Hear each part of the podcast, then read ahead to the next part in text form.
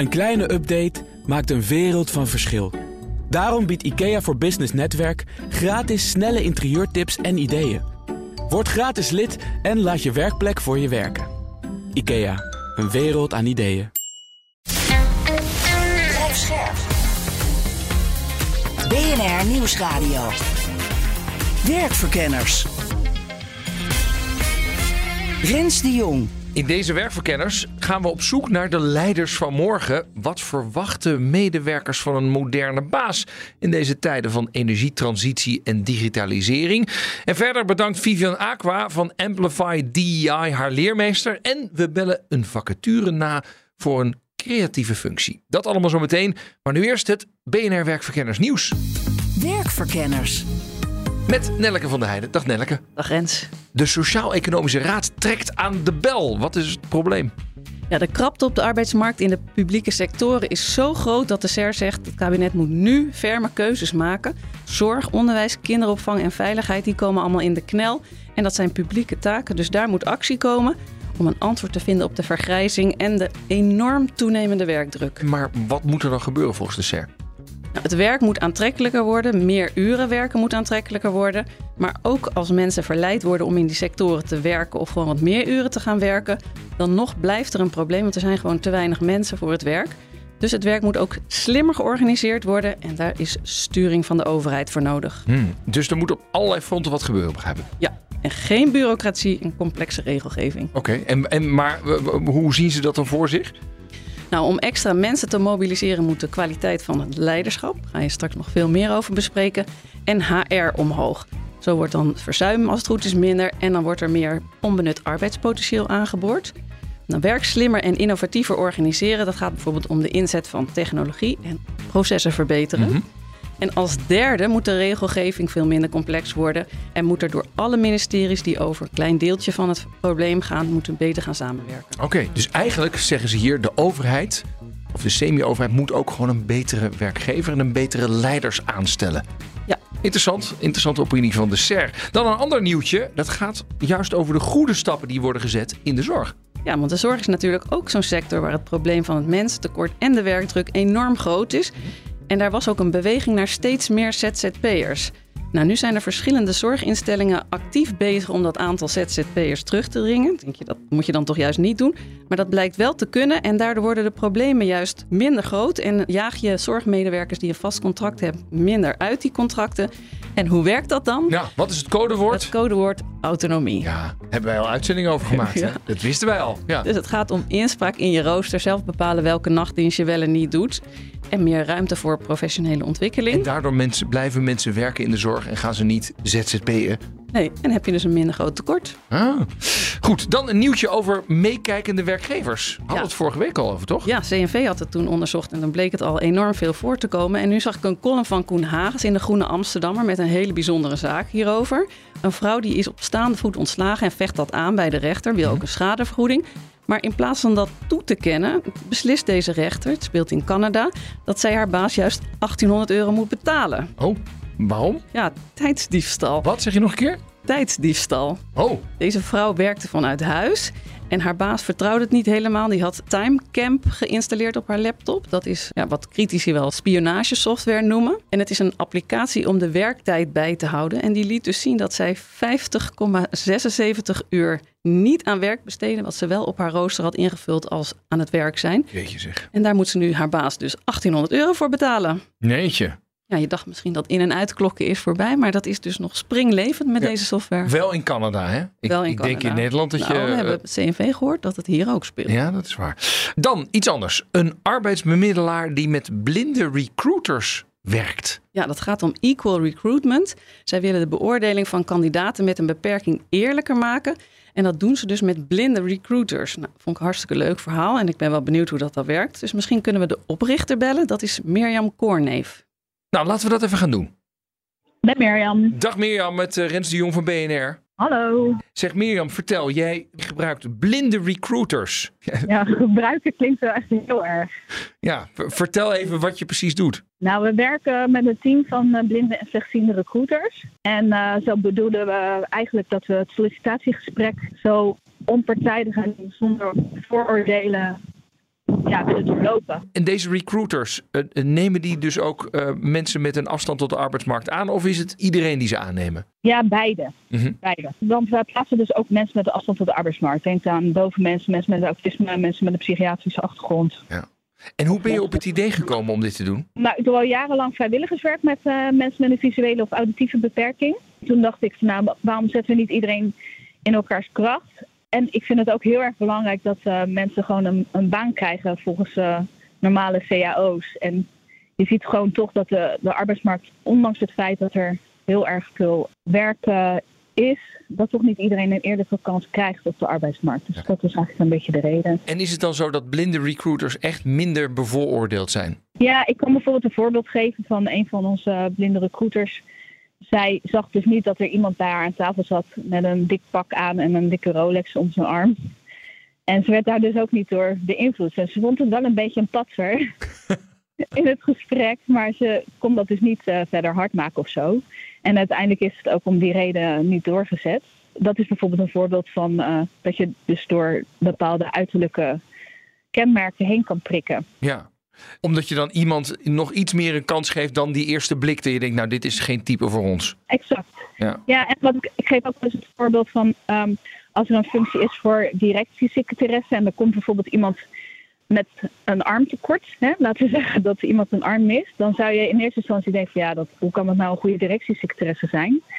Terwijl die persoon misschien eh, hartstikke goed kan typen en sneller dan eh, wie dan ook. Ja, ja. en in die eerste blik eh, denken we toch al, nemen we heel veel aannames en dat beïnvloedt het toch. Ja, exact. En vaak zie je ook wel als je dus niet goed kan zien, dat je analytisch toch wel wat sterker bent in, in het gesprek. En, en, dus dat is wel echt Ik begrijp dat je al een jaar bezig bent, al successen geboekt. Ja, zeker. Ja, we zijn vorig jaar mei, eind mei eh, begonnen met Eco Recruitment en het echt het opleiden tot inclusieve recruiters. Hè. Dus ook, eh, ook al hebben we zelf eh, beperkingen, dan eh, moet je ook zorgen dat je inclusief blijft werven en selecteren. En we hebben bijvoorbeeld ehm, een dove dame geplaatst eh, bij de, de Doelen in Rotterdam. Mhm. En daar zijn ze hartstikke blij met haar, dus dat vind ik echt eh, superleuk. En we hebben een autistische man geplaatst bij een eh, logistieke functie bij een prachtig bedrijf. En we hebben een andere dove man geplaatst bij een kaasfabriek. Want daar is bijvoorbeeld echt een pokherrie. maar ja, dat vindt hij natuurlijk helemaal niet erg. En eh, ik begrijp dat je ook dove recruiters hebt, toch? Mensen die doof zijn. Ehm, niet in dienst, maar die willen we wel graag. Want ik denk dat dove en blinde mensen in dit geval heel goed met elkaar zouden kunnen samenwerken. Dat eh, dove mensen gaan zoeken en dat eh, blinde en slechtzienden de andere dingen doen. Dat zit in de pijplijn. Ja, Dank voor je mooie verhaal. alsjeblieft. Werkverkenners. Nou, allemaal goed om te weten dit. Dan de themavraag van deze uitzending. Om wat voor leiderschap vraagt de huidige tijd?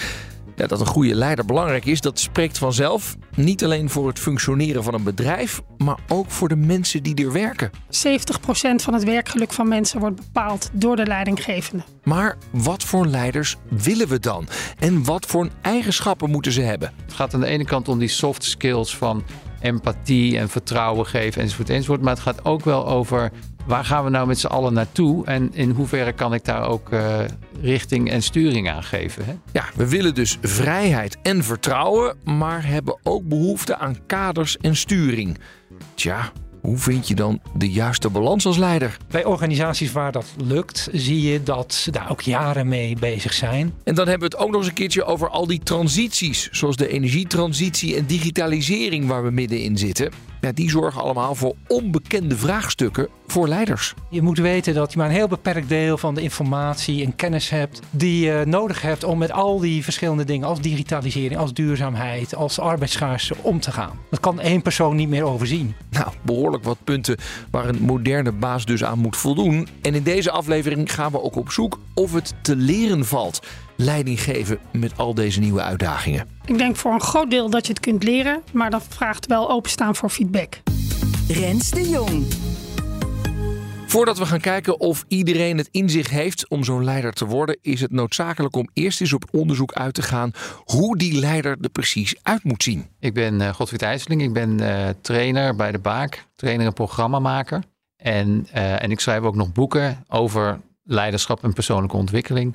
Er is een onderzoek gedaan naar wat mensen nu in een leider willen zien. Vertel. Ja, er is een onderzoek gedaan door de Baak. ehm, en eh, daar werd onder andere gevraagd van, nou ja, hoe het eigenlijk gesteld is hè, met eh, de mening over leiderschap. En daar kwam uit dat 77% van de mensen zeggen, nou, het is wel tijd voor ander leiderschap. En, en- wat willen die mensen dan? Nou, dus dat is dan de, de vervolgvraag van wel, wat, eh, wat, wat voor leiderschap zie je dan? En dan zie je eigenlijk dat mensen het, het heel erg gooien op authenticiteit en transparantie, empathie. Dus waar we eigenlijk op focussen, en zeker als je kijkt naar dit onderzoek, dan gaat het vooral over, over die soft skills. Ja.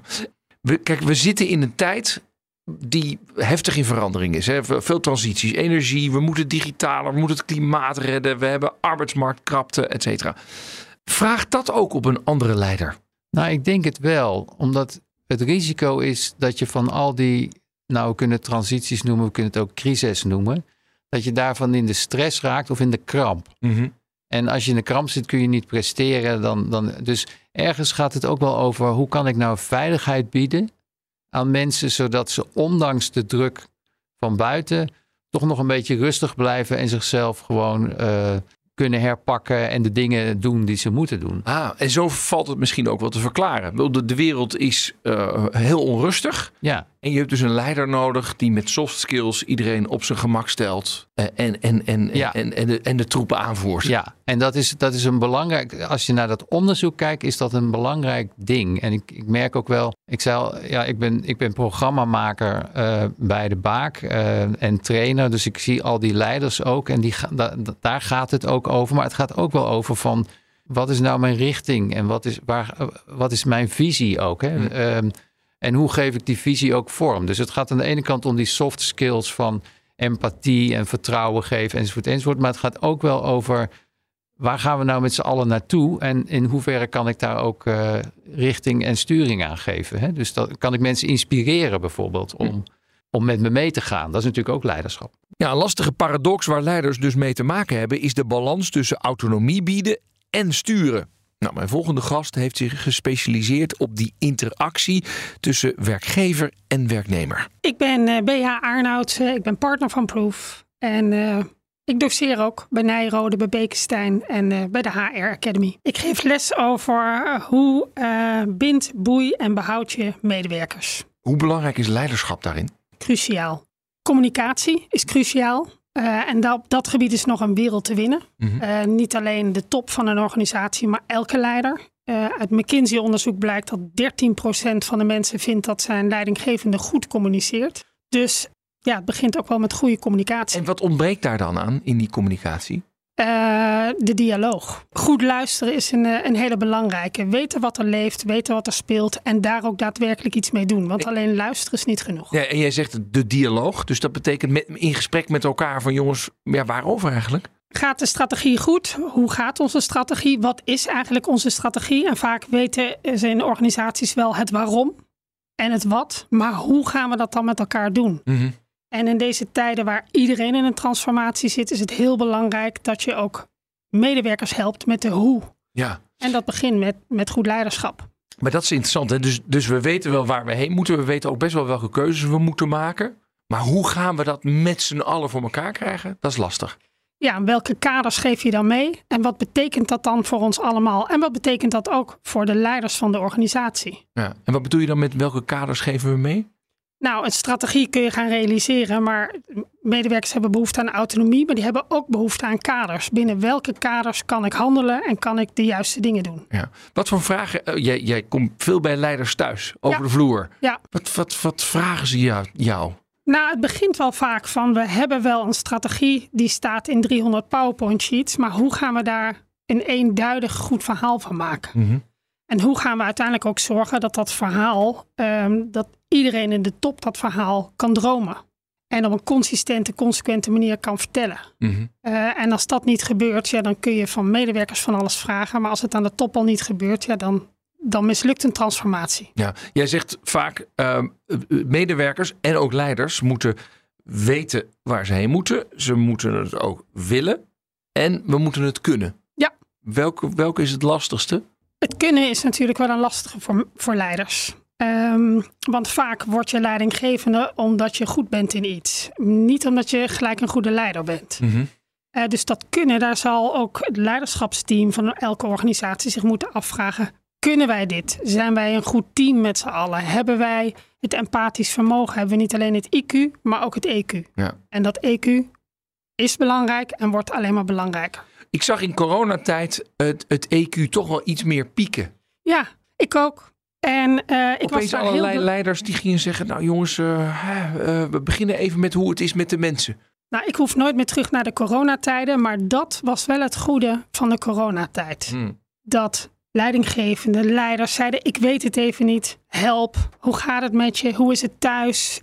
trek je het nog allemaal? Als je nagaat dat er zoveel mensen niet gelukkig zijn in hun werk, niet betrokken zijn bij hun werk, dan is daar een wereld te winnen. Wat is daarvan overgebleven na coronatijd? Nou, we zijn wel weer stiekem teruggegaan naar wat het was. Uh, maar dat, dat menselijke, het empathische, ja, is wel heel erg belangrijk. Wordt ook gewaardeerd door medewerkers, blijkt uit heel veel onderzoek. Ja, en er is hier toch weer het empathische. De belangrijkste soft skill voor de leiders van nu.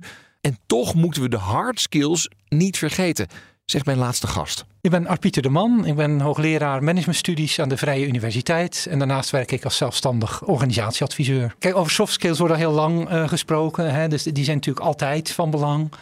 Uh, ik denk eerder dat de hard skills weer eens een comeback aan het maken oh, zijn. Ja, precies, ja. Dus um, als je kijkt naar bijvoorbeeld een vraagstuk als digitalisering. Maar ook uh, organisatiekundig. Wat voor nieuwe organisatievormen zijn er? Mm -hmm. Um, daar is ontzettend veel gebeurd in de afgelopen vijf tot tien jaar. En ik merk toch dat veel leiders daar niet helemaal van op de hoogte zijn wat er allemaal mogelijk is. Dus ik zie wel dat ook die hard skills juist weer uh, aan het terugkomen zijn. Uh, om, uh, nou ja, om die reden, omdat ook de technologie heel andere dingen mogelijk maakt. Gewoon kennis en, en weten hoe het zit. Kennis, weten hoe het zit. En ook wat is je markt. Ja. En uh, in, in plaats van. Of, of, Kijk, het is natuurlijk fantastisch als ook de soft skills van een goede communicator en uh, toegankelijk en verbindend type. Ja, dat is altijd wenselijk. Ja. Um, maar ja, dat was het honderd jaar geleden ook. En, uh, en dat zal het over honderd jaar nog zijn. Ja, ja. Maar die, uh, ik denk dat we te weinig aandacht hebben aan de hard skills. En dat er te veel ook gepraat wordt over de psychologie van, uh, van de leider. En hoe zit die in elkaar en wat voor type is. natuurlijk kan één leider ook niet alle hard skills hebben. Uh, maar goed, hij moet wel weten dan waar zijn kennisschat zit en wie die daar dan voor uh, kan gebruiken om dat, uh, om dat op te vullen. Ja, want dat, soms hoor je ook wel eens mensen zeggen, nee, je moet juist de organisatie in om de informatie er daaruit te halen. En hoe combineer ik dat met jouw oproep voor hard skills? Nou, ik denk, omdat ik denk dat dat ook een organisatievraagstuk is. Hmm. Dus als je natuurlijk uh, je organisatie zo ingericht hebt dat er negen managementlagen zijn, ja, dan ben je heel veel tijd kwijt met het management, met het informatie ophalen. En dan komt die waarschijnlijk nog uh, op een vervormde manier uh, bij. Nee, als je zegt, ik ga nieuwe organisatievormen toepassen die veel vlakker zijn, met misschien maar een paar managementlagen. Um, en waarin mensen ook veel meer zelf beslissingen kunnen nemen in plaats dat alles op mijn bordje komt. Uh, dan heb je ook een heel andere taak als leider. Mm. He, dan moet je alleen nog die dingen doen, zorgen dat die informatie bij je komt die echt essentieel is voor de organisatie. Ja. En dat is ook een organisatievraagstuk van hoe haal ik die er dan uit? Hoe zorg ik dat die bij mij komen? Ja. En dat vergt inderdaad natuurlijk wel luisteren en nou, al, die, al die soft skills.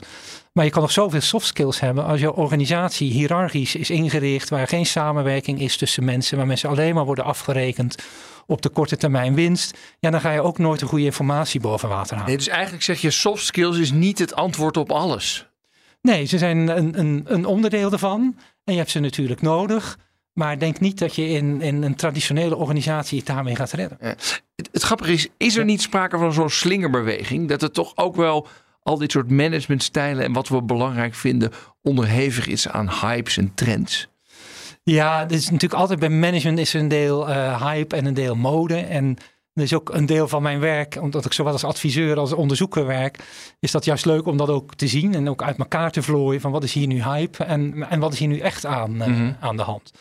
Uh, en um, natuurlijk zijn er dingen die, die denk ik wat in de hypesfeer uh, Maar wat zitten. zit er in de hypesfeer? Nou, op het moment alles wat zeg maar woke is, oneerbiedig gezegd, hè, dat het uh, dat wordt heel groot gemaakt. En af en toe denk je wel eens dat je als je naar een organisatie gaat, dat ze allemaal, of een bedrijf, dat het allemaal de Rode Kruis en UNICEF in één is. Hè? dus dat, zo werkt het natuurlijk niet. Hè? Nee. Dus uh, de schoorsteen moet ook blijven, blijven roken. Uh, maar um, naast de hypes denk ik dat er ook wel een aantal duurzame trends zijn. En, en die gaan ook over duurzaamheid en digitalisering en, en de complexiteit van vraagstukken waar we mee te maken hebben. En hoe onderscheid ik zeg maar uh, uh, de hype van daadwerkelijk duurzame verandering? Ja, het is altijd moeilijk als je er middenin zit, denk ik. maar ik denk dat het daar juist heel belangrijk is om ook de geschiedenis te kennen. He, van wat is er nou eigenlijk allemaal gebeurd in het verleden en waarom zijn dingen nu zoals ze zijn? Mm -hmm. En wat is er nou echt anders? Maar het is geschiedenis van uh, het bedrijfsleven of geschiedenis van het bedrijf waarvoor je werkt? Nou, ik denk allebei. Hè? Mm -hmm. Dus, um, uh, want ook als je naar de geschiedenis van het bedrijfsleven kijkt, ja, er zitten ook trends in. Het is heel logisch waarom er in 1920 heel hiërarchische organisaties werden bedacht. Want? Uh, markten waren stabieler en voorspelbaarder. Bijvoorbeeld efficiency was veel belangrijker. Nu zijn markten onvoorspelbaarder. Efficiency is minder belangrijk geworden dan innovatie. Uh, dat vraagt dus andere vormen van, uh, van organiseren. Ja, ja. Wat, wat, wat vraagt dat dan?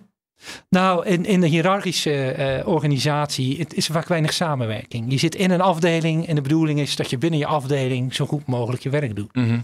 Dat is niet erg creatief, maar wel efficiënt. Ja. Maar als je wil innoveren, is het juist leuk om mensen met verschillende achtergronden en ideeën met elkaar in contact uh, te laten komen.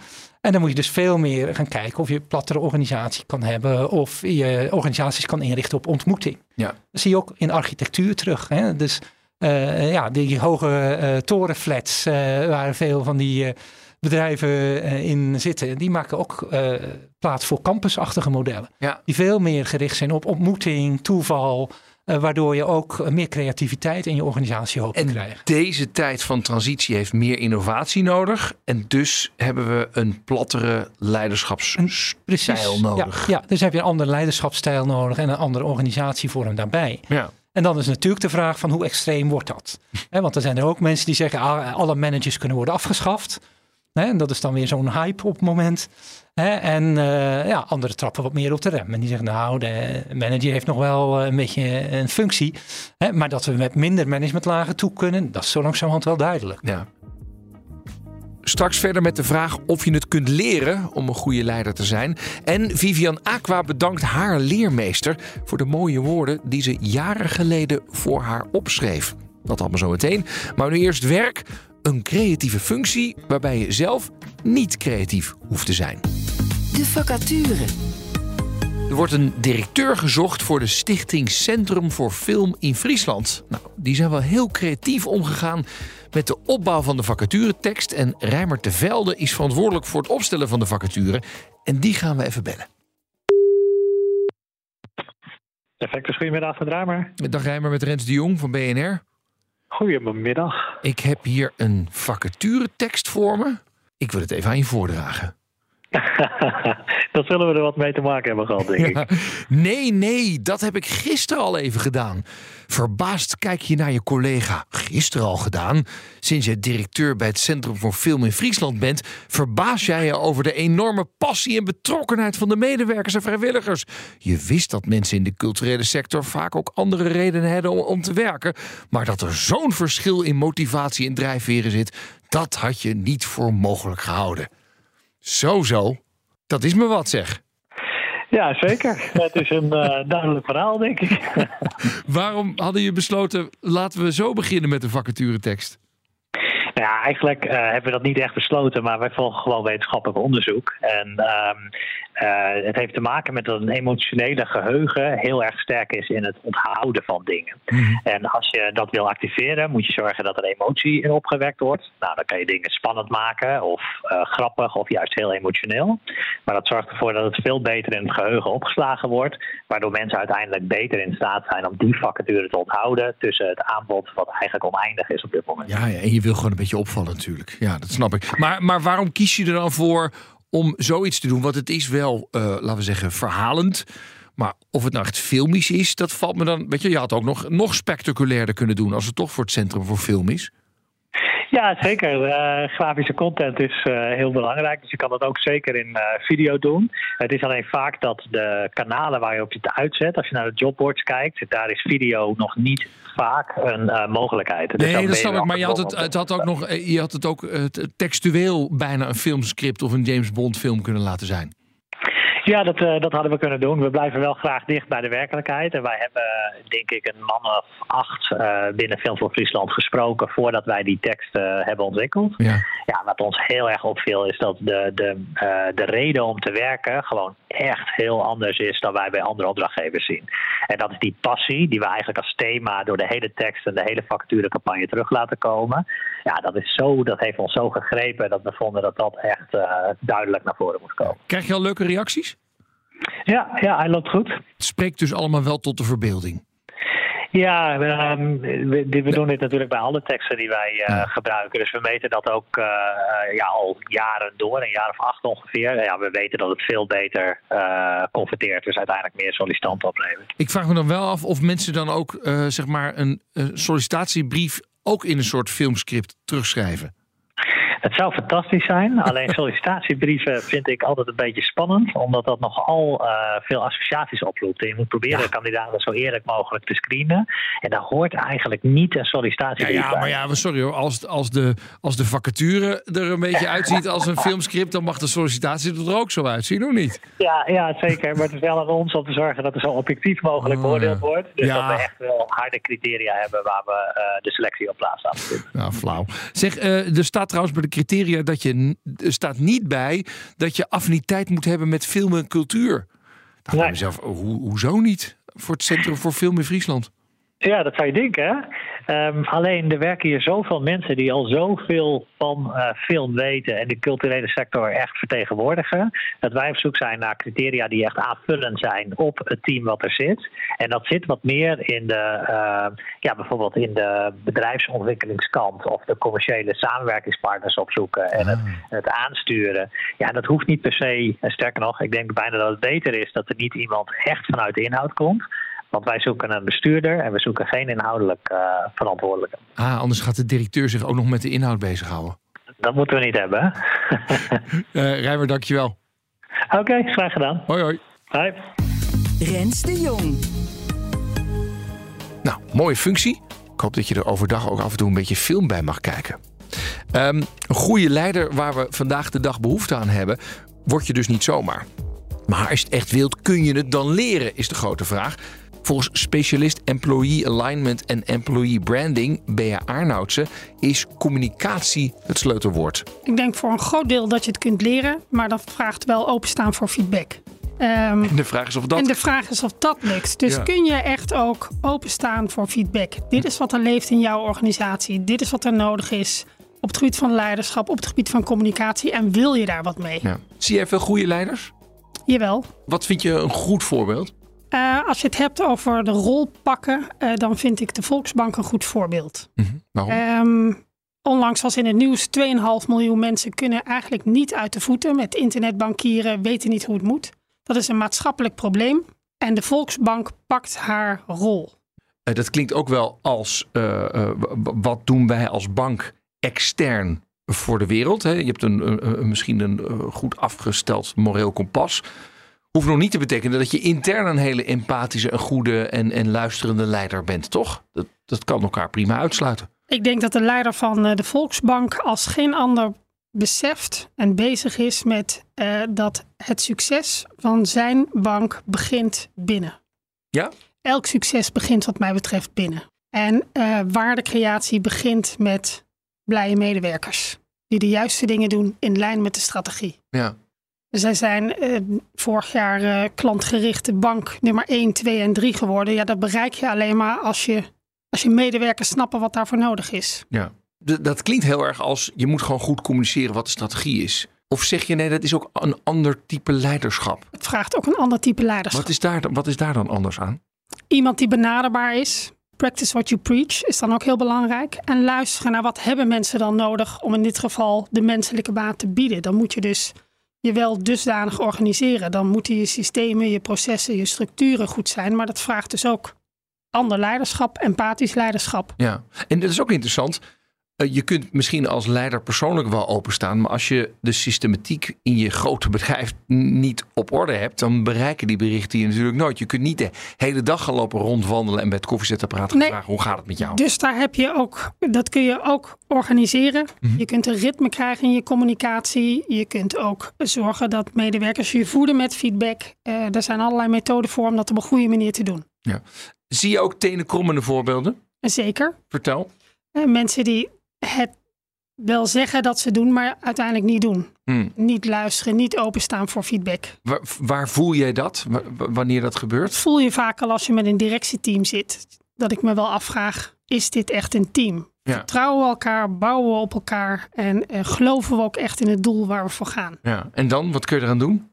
En dat gewoon, dat vragen en dat eh, op tafel leggen. Ja. En dan?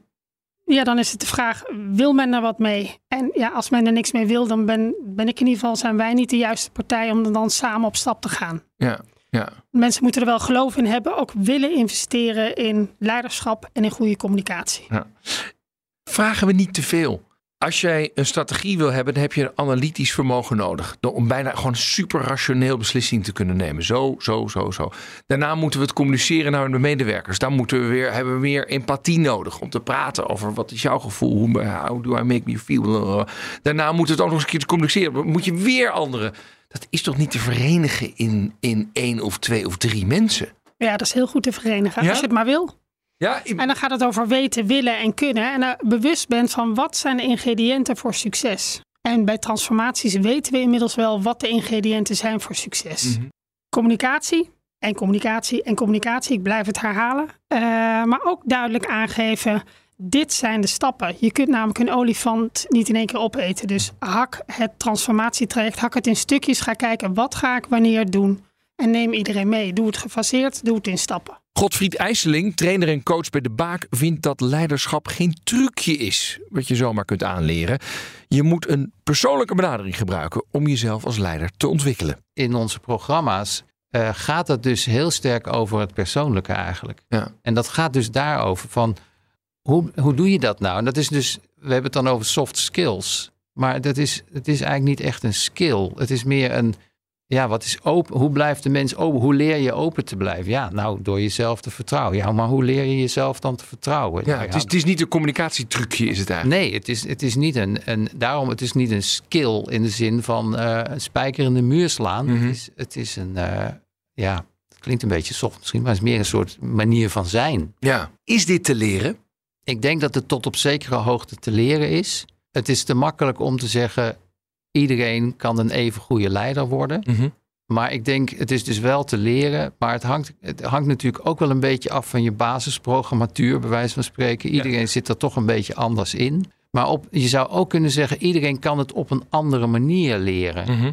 Ehm, dus er zijn mensen die introvert zijn, wat stil en reflectief. Nou, dat, dat kun- kunnen fantastische leiders zijn.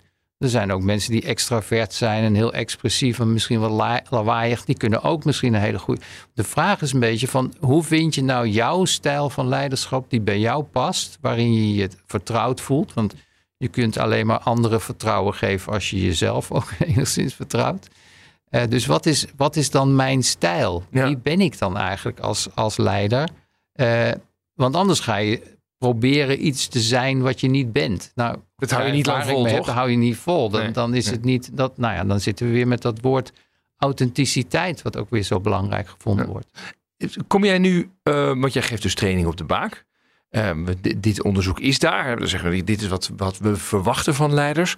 Kom jij wel eens leiders tegen die zeggen, jeetje zeg, ik weet het niet, Godfried, maar moet ik dat allemaal gaan leren?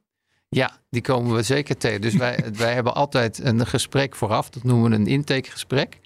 En dan zeggen we ook altijd wel van ja, het gaat wel echt over jou. Het gaat over jou als persoon. Maar eh, raakt het zo af en toe ook wel persoonlijk dat ze denken, ja, maar sorry hoor, maar dat, dat gaat toch niet? Nou, het is, ik de- denk dat het meer is dat mensen daar dan geen zin in hebben. Oh ja. Dat ze zeggen van, eh, geef mij nou maar gewoon wat handvatten. En eerlijk gezegd zeggen wij dan gewoon, ja, dat zouden we natuurlijk graag doen. Dat zou natuurlijk fijn zijn als je gewoon tegen iemand kan zeggen, doe dat. Dan ben je overal vanaf. Maar dat is niet zo. Dus uiteindelijk is die persoonlijke benadering en die, die wat moeilijkere benadering, zou je kunnen zeggen, omdat je je hele persoon erbij betrekt, die is gewoon noodzakelijk. Terug naar hoogleraar managementstudies Art Pieter de Man. Aan hem vroeg ik wat voor voorbeelden hij kent van leiders die het volgens hem goed aanpakken. Je ziet natuurlijk in de praktijk heel veel verschillende eh, vormen van leiderschap. En ik denk ook dat we niet op zoek moeten gaan naar één type die het overal goed voor is. Eh, ehm, maar wat ik zelf eigenlijk interessantere leiders vind, in plaats van degene die altijd op de voorpagina eh, staan, zijn die waar je weinig van hoort. Bijvoorbeeld bij veel familiebedrijven. Hè, kijk eens een CNA of een Van Oort. Dat is toch wel inspirerend. Die denken al een generatie vooruit, want het bedrijf moet aan de volgende generatie worden eh, overgegeven. Ehm, je hoort ze niet veel, je ziet ze niet veel. Maar ze zorgen wel dat hun organisatie zich aanpast aan de veranderende omstandigheden. Ja. En eh, dat vind ik eigenlijk wel interessant type leiderschap en, en, en leiderschapsteams die daar eh, zitten. Meer dan al die rockstar CEO's als Elon Musk en noem ze allemaal maar op. Die dan wel groot in de krant komen en natuurlijk ook wel heel bijzondere dingen eh, doen. Maar die uiteindelijk op het geheel echt de uitzondering voor. Ja, ik heb af en toe het gevoel als ik nu kijk wat eh, de volgers verwachten van de leiders. Dat je dan altijd denkt, ja, jullie willen een soort Nelson Mandela. Ja. Maar, A, ben ik dat niet? En B, is de vraag of het goed is voor het bedrijf. Ja, ja. Nee, dat, eh, de- dan denk ik ook. De verwachtingen eh, zijn vaak eh, hoog.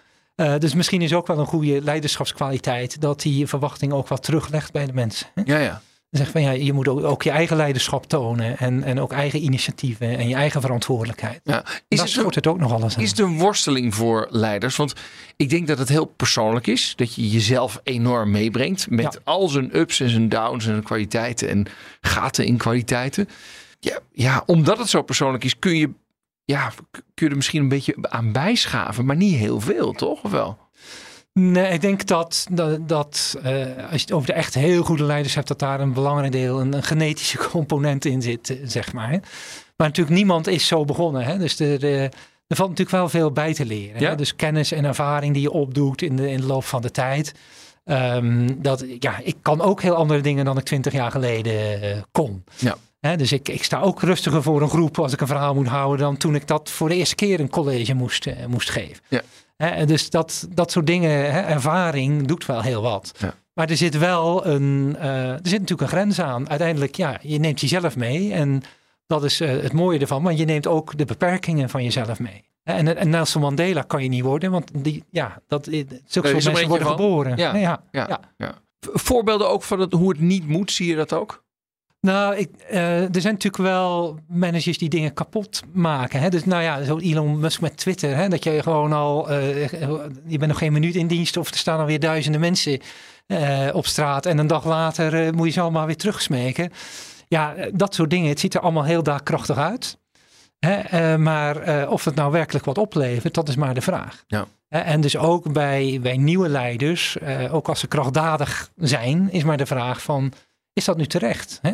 En is dat goed? En is dit nu echt wat nodig is? Of is dit alleen maar voor de bühne om te laten zien van hoe goed ben ik nu eigenlijk? Want dat zie je natuurlijk wel eens. Hè? Me- Mensen komen net binnen en dan, nou, laten we eens even een reorganisatie afkondigen. Het moet allemaal anders hier. Ja. Ja, ja en dus eh, eh, ja, daar kan je echt wel sceptisch eh, over zijn, vind ik. Als, zeker als dat zo vroeg gebeurt in, in de tijd waarin ze bij zo'n organisatie werken. En d- deze tijd is volatiel. Dat vraagt, wordt er wel eens gezegd, om innovatie, maar ook om experimenteren. Ja. Is dat nou iets wat we dan ook in de top moeten zien? Ja, ik, ik denk dat de, de top ehm, eh, wel ruimte moet geven voor die, voor die experimenten. Hè, want ja, dingen als nou ja, nieuwe apps ontwikkelen of met duurzaamheid omgaan, de oplossing is niet precies duidelijk. Dus dat betekent toch dat je eens wat moet proberen. En dat kan je heel goed op kleine schaal doen. Er zijn tegenwoordig allemaal technieken voor, hè? minimum viable products en eh, agile werken. En je kan met partners eens wat proberen. Dus, dus daar is heel veel ontwikkeld aan technieken om dat, eh, om dat te doen. Eh, en ehm, ja, dat kan heel heilzaam zijn om dat eens te proberen en dan voor te bouwen op dingen die werken. Hè, want wat dat dan wel vraagt weer van de leider is om al die experimenten goed in de gaten te houden. Je hebt een portfolio van experimenten, maar die moeten ook niet oneindig doorlopen. Hè, je moet daar ook op een gegeven moment een einde aan maken als het niet werkt. En je moet ook op een gegeven moment, als iets succesvol is, dat kunnen herkennen en zeggen, oh, maar nu gaan we dit opschalen. Nu gaan we dit niet voor eh, eh, één wijk in de stad doen, maar voor het hele land. Hè? Ehm, dus eh, ja, dat herkennen. En het dus ook niet erg vinden als iets fout gaat. Ja. als een experiment misschien niet oplevert wat je gehoopt had. Dat is, kunnen managers nog wel aan, maar de buitenwereld vindt dat vaak lastig. Ja. Hè? Dus, want er wordt er toch gezegd, ja, er is weer gefaald met dit product of met die app. Of ja, is, dat is all in the game. Maar goed, intern is dat ook wel een ding hoor. Want mensen vinden het, eh, mensen vinden het niet fijn om te zeggen, nou, is mislukt. Nee. Terwijl, Nee. je ook kunnen zeggen, nou, we hebben eh, eh, 100 experimenten gedaan. En er, er komen hele interessante resultaten uit. Ja. Nee, dus de, de, de, de mislukt veel. Ik, ik sprak ooit eens met een manager in de farmacie en die zei, die ging heel veel samenwerkingsverbanden aan. En die deed dan onderzoek naar het succes van samenwerkingsverbanden. En dan vroeg ik hoeveel procent is nou een succes? En dat zei, kan ik eigenlijk niet beantwoorden, want ik kijk naar het portfolio. Als ik 100 samenwerkingsverbanden heb, dan weet ik dat er twee partijen en twee medicijnen op de markt komen. Maar dan heb ik dus wel 98% faalpercentage. Ja. Maar als ik niet die 100 doe, dan heb ik dus geen medicijnen op de markt. Ik heb, eh, Dus ik heb ook 100% succes, want met 100 samenwerkingen weet ik zeker dat ik iets op de markt heb. En die mindset is natuurlijk een heel andere. En dat, ehm, dat zie je ook wel veranderen. Dus ik, ik vind ook zeker met het agile werken zie je dat dat eh, gebruikelijker wordt om op die manier eh, te gaan denken. Nou, conclusie over leiderschap. Leiders van vandaag die staan voor verschillende uitdagingen, in- en extern.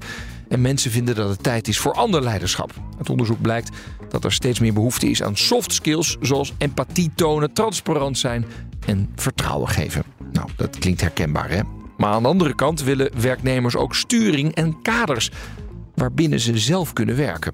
De balans is soms moeilijk te vinden. Het sleutelwoord is communicatie. Ga met je mensen in gesprek over de strategie.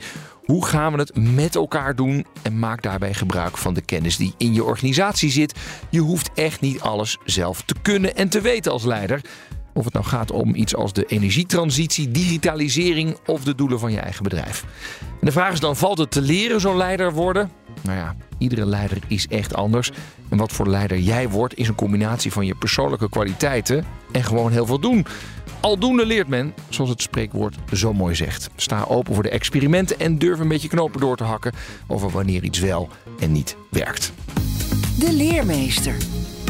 Dan nu het laatste onderdeel van deze uitzending, de leermeester. Wie heeft jou geïnspireerd om een volgende stap in je carrière te zetten? Welk leermoment zul je nooit meer vergeten?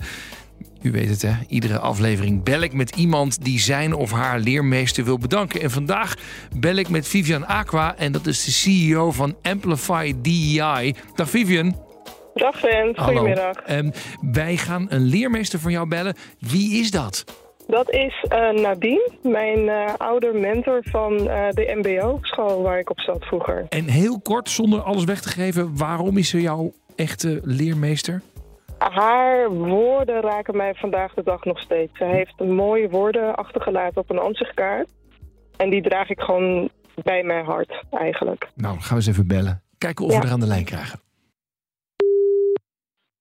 Hallo, ben Nadine. Dag Nadine, met Rens de Jong van BNR eh, Werkverkenners. Hallo. Hi, wij zouden even bellen. Ja, Ja, wa- want je, bent, je moet er een beetje om lachen. nou ja, het is. eh, het is eh, ik ben benieuwd. Dat is het vooral. Je kan geen, ja, toch? Ja. Daar word je nieuwsgierig van, maar dan moet je wel snappen. Dat Ja. zal wel vaker gebeuren. Dat snap ja. ik. Ik snap het helemaal, inderdaad. Want we bellen je omdat iemand jou heeft aangewezen als zijn of haar leermeester. Ehm, enig idee? Nee, echt geen flauw. Geen flauw idee. Geen, geen flauw idee. Vivian, zeg het maar. Nadine, Ja, ehm, ik moet zelf bijna janken, maar jouw ansichtkaart draag ik met me mee. Iedere dag, iedere keer. En ik denk, als wanneer ik mijn achternaam noem, Aqua, dat het kwartje bij jou valt. ja Ik zeker. heb jou ja, opgegeven. zeker. Ja. Ja, wat mooi. Vivian, Ja, dat vind ik echt wel. Weet je, ehm, zo'n diplomering, dan, Ja. eh, het- op het MBO, dan krijg je een hele klas. ja. En eigenlijk geen tijd om echt mensen individueel toe te spreken. Ja, en dan schreef ik altijd van die kaartjes gewoon voor iedereen. En dan schrijf ik gewoon wat er in me opkomt en wat ik vind en wat ik. Nou ja, gewoon. ja, Dat mensen dat zo lang bewaren, dat heb ik me nooit gerealiseerd. Nee, wat, is echt bijzonder. Vivian, Ja. leg, me- leg mij even uit. Eh, het, wat jij zegt, eh, eh, je- ik heb een kaartje. Leg eens Ja. even uit. Ehm, ik kreeg tijdens mijn diploma-uitreiking in 1996 kreeg ik een kaartje wat mij beschrijft. Ik heb de woorden even niet voor me, want anders moet ik mijn telefoon even weghouden. Maar het komt erop neer zeg maar, dat ik best wel mezelf kwetsbaar kan opstellen. Ik ga voor mensen. Ik ben een strijder. Ehm, en soms loopt dat iets minder uh, leuk voor mezelf af. Maar ze bewust, bepaalde woorden wist zij mij uh, op zo'n danige manier te beschrijven dat ik die woorden altijd bij me heb gedragen. Op momenten dat ik het even niet zag zitten of even een, een dipje heb. Dan zijn dat die woorden waar ik naar kijk. Ik heb hem zelfs opgeslagen op mijn telefoon. Heel bijzonder, heel bijzonder. Ja. Het gaat er volgens mij altijd om dat als je, als je les geeft, dat je, ja, dat je mensen vooral vertrouwen in zichzelf geeft en dat ze in zichzelf geloven en dat ze ja, en dat ze ertoe doen. En uh, eigenlijk dat er voor iedereen een plek is. Ja. ja. En, en, en dat heb jij er feilloos uitgehaald, eh, Vivian? Ja, zeker. Er stond een zinnetje over leiderschap. Nou, als, als ik kijk nu naar mijn rol en de, de rol die ik de afgelopen jaren heb genomen, dan is dat alsof het een, een, een toekomstvoorspelling is van waar ik nu sta. Oh ja? Zeg maar. Ja. Want je hebt eigenlijk gedaan wat er op dat kaartje stond. Eigenlijk wel. Ja. Nou ja, het is wel bijzonder toch dat je. Ik bedoel, een kaartje, het is, het is maar een paar regels. Dus, uh, ja. dus het zaadje is gelegd in, in al die lessen daarvoor, denk ik. Ja, uh, en, en dat je gewoon weet wie er voor je zit en weet wat iemand doet. En, en ja, volgens mij kan je alleen maar lesgeven als je oprecht in mensen geïnteresseerd bent. N Nadine, Nadine, wil je nog iets zeggen tegen Vivian? Nou, wij gaan zeker koffie drinken. Wij gaan zeker koffie drinken. Ja. En, en, en, ja, toch? Ja, dat lijkt me een heel verstandig iets. En Vivian, wat, wat wil je nog tegen Nadine zeggen, je oude lerares? Ik wil zeggen um, bedankt voor de impact die je bij mij hebt gemaakt, maar ook de impact die ik weer bij anderen heb kunnen maken. En ja, wij gaan zeker koffie drinken. Dankjewel. Mooi. Ja, zeker. Dankjewel. Dankjewel. Okay. Ja. Uh, leuk om jullie even met elkaar te connecten. Dank je. Oké, okay, dag. Dit was Werkverkenners voor deze week. Volgende week dan krijg je weer een verse op dinsdag om 3 uur. En natuurlijk in je favoriete podcast-app. Je kunt hem op ieder moment terugluisteren. Productie en redactie Nelke van der Heijden, Emma Somsen. Mijn naam is Rens de Jong. Graag tot volgende week. Dag. Werkverkenners wordt mede mogelijk gemaakt door NCOI. De opleider van Werken Nederland. Het inrichten van je eigen zaak is best wel wat werk. Daarom biedt IKEA voor Business Netwerk 50% korting op interieuradvies. Word gratis lid en laat je werkplek voor je werken. IKEA, een wereld aan ideeën.